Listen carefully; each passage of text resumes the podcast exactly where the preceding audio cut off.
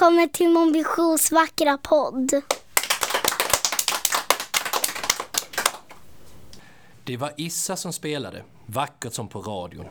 Jag blev inte så förvånad, för jag hade lärt mig att Issa kan så många saker som man inte tror. Nu stod han där mitt på golvet och blundade, med farbrorns fiol under hakan. Tonerna steg som såpbubblor genom luften, blev hängande en stund och försvann. Som en osynlig magnet drog musiken till sig alla, alla som ännu var kvar på centralen. En man med portfölj la en sedel vid Issas fötter när han gick förbi. Stella, din mössa, viskade Mago. Lägg den på golvet. Jag fick av min röda luva och la den framför Issas fötter. Alla gav pengar. Ett sällskap piloter och flygvärdinnor på väg hem från Arlanda gav hundra lappar. Andra tömde sina fickor på mynt och städaren la en guldtia i mössan. Bara en ensam flicka stod och lyssnade utan att betala. Man såg knappt hennes ansikte för den stora gubbkepsen som var neddragen i pannan. Först när den sista tonen klingat ut och öppnade Issa ögonen. Han fick syn på alla pengarna och räckte fiolen till mig. Den var varm i mina händer när jag la tillbaka den i fodralet.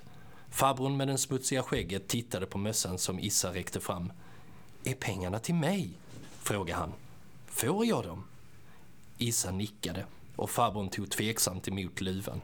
Just då kom två poliser gående genom hallen och jag såg hur flickan med kepsen gömde sig bakom en pelare. Farbrorn drog snabbt på sig min luva så att mynten klirrade. Han såg rolig ut, men jag kunde inte le. Jag var rädd för att poliserna skulle ta oss tillbaka till barnhemmet innan Magos pappa hann komma till Stockholm.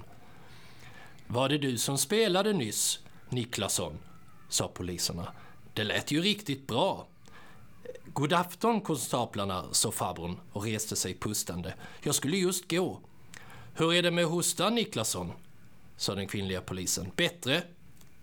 Poliserna verkar känna farbror Niklasson.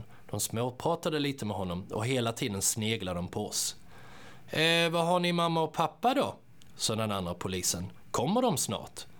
Eh, ungarna kom med midnattståget, sa Niklasson. Margot här väntar på sin pappa. Han ska hämta upp dem alla tre. Det var ju sant alltihop och poliserna nickade mot oss. När de hade gått tog Niklasson av sig luvan igen och höll fram den mot Issa. Jag kan inte ta emot det, sa han. Det är för mycket. Plötsligt stod flickan med kepsen bredvid oss. Ta pengarna Niklasson, sa hon. De räcker till många nätter på härberget och varmt kaffe på morgnarna. Niklasson tvekade.